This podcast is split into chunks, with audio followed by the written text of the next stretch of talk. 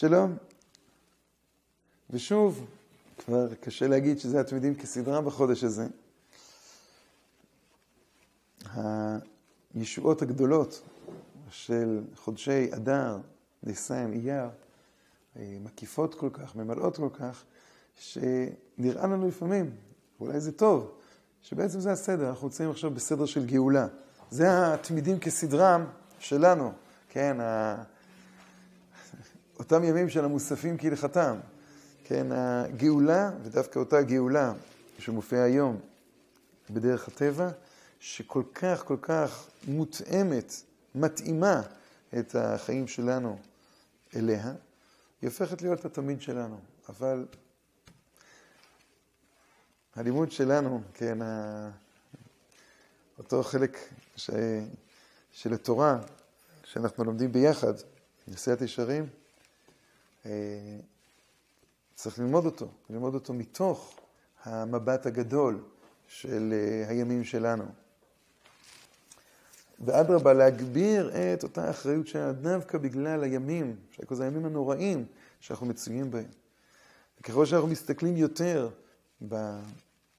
בעיניים פקוחות, ורואים את המצבים המורכבים כל כך שגאולה מופיעה, כן, מגלה אצלנו, אנחנו מבינים יותר עד כמה חיוני לעסוק וליצור אנשים, אנשים בעלי שאיפות, שאיפות של דבקות, שאיפות של, של אהבה, של יראה, של עדינות החיים.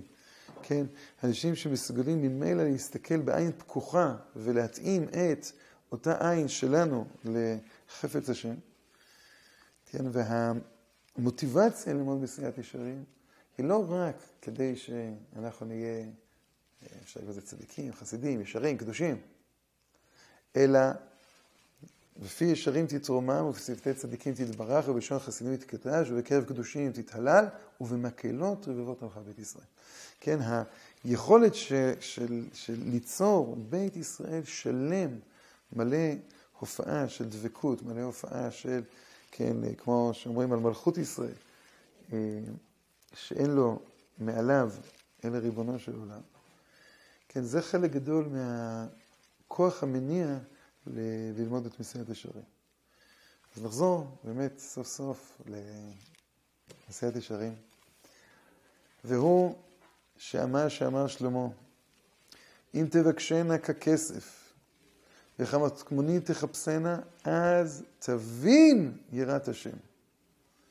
יש פה דגש, כדי לא רק להיות ירא שמיים, אלא להבין יראת השם. ולהבין יראת השם פירושו של דבר היכולת לקחת את התוכן של יראת השם ולהרחיב אותו.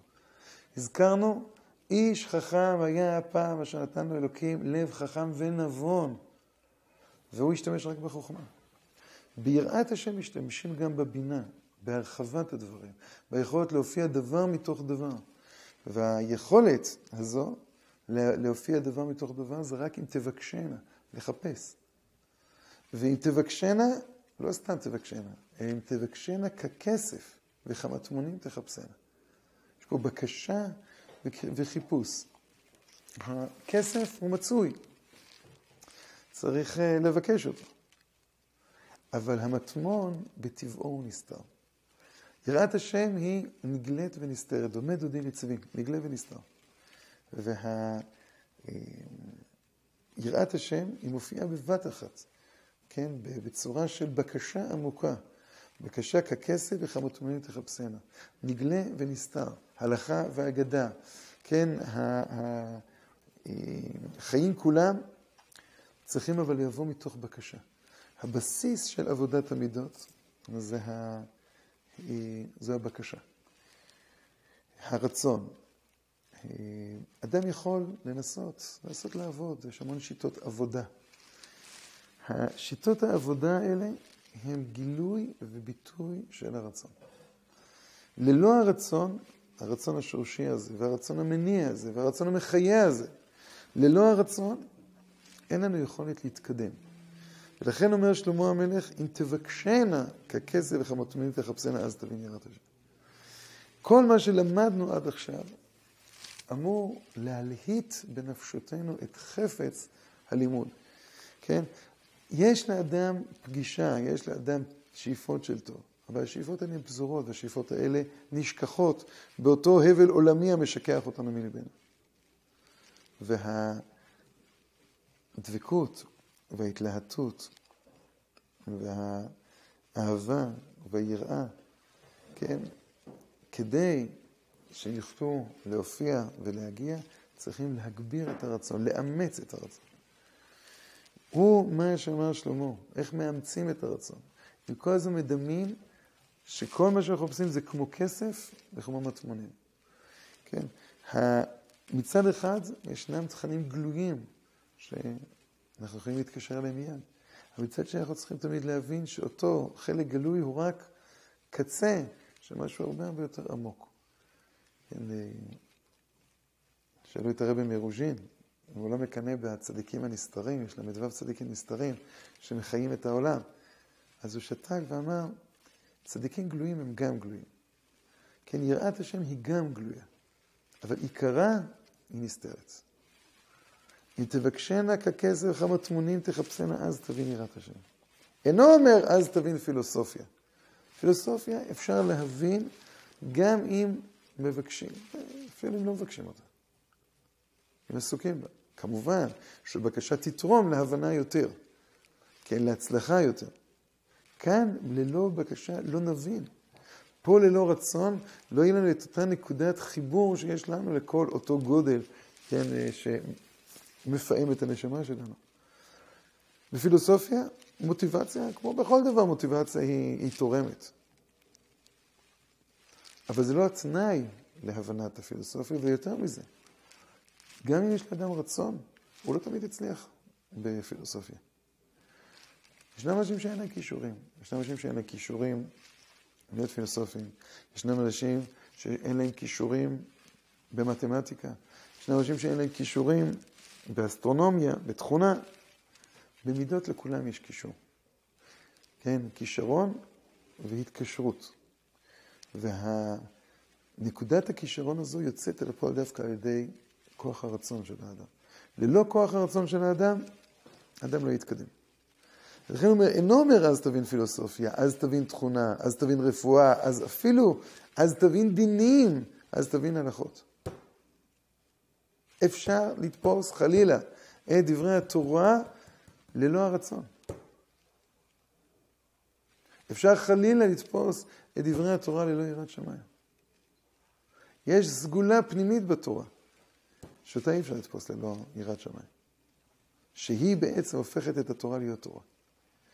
אבל כן אפשר לבוא עם לב מלא תום ויושר וללמוד תורה ולהתקדם בתורה. בתורה נגלית. כן? מתוך הפעלה, הפעלה של ההבנה, של השכל של האדם. יהיה חסר, חסר הגודל, החיים, החיות הגדולה של, ה, של התורה. אבל אפשר להתקדם. ולפעמים עצם לימוד התורה, פרט אחרי פרט, ועצם הקיום אפילו של חלק מהפרטים, הוא לאט לאט מחזיר את האדם, כן, מקשר אותו לגודל הזה. מזכיר לו שיש, שישנו גודל בעולם. ואז נבנה הרצון. לפעמים הרצון, צריך לעורר אותו על ידי, על ידי הרבה דברי תורה. אבל, כאן אנחנו נמצאים בדגש, אינו אומר, אז תבין פילוסופיה, אז תבין תכונה, אז תבין רפואה, אז תבין דינים, אז תבין הלכות, אלא אז תבין יראת השם. הרי לך שלהבין היראה, צריך לבקש אותה ככסף ולחפש אותה כמטמונים. הדי איפה מה שמלומד לנו מאבותינו, מה שמפורסם זה כל בן דת דרך כלל. כן, האם זה מספיק מה שאנחנו כבר למדנו? האם זה מספיק אותה טבעיות פשוטה? לא. וממילא הוא מגיע לשאלה הבאה. או הנמצא זמן לכל שאר חלקי העיון והרעיון הזה לא יהיה זמן. אם הוא באמת תלוי ברצון, האדם צריך, לא צריך, הוא רוצה לפנות לזה זמן. ועוד פעם הוא מנסה לשכנע, למה לא יקבע אדם לעצמו עיתים לפחות להסתכלות הזה, אם הוכרח הוא בשארית זמנו לפנות עליונים או לעסקים אחרים. אז שלב ראשון, יראה היא רצון. השלב השני זה יראה בתור חוכמה, נראה את זה בעזרת השם בפעם הבאה. שלום.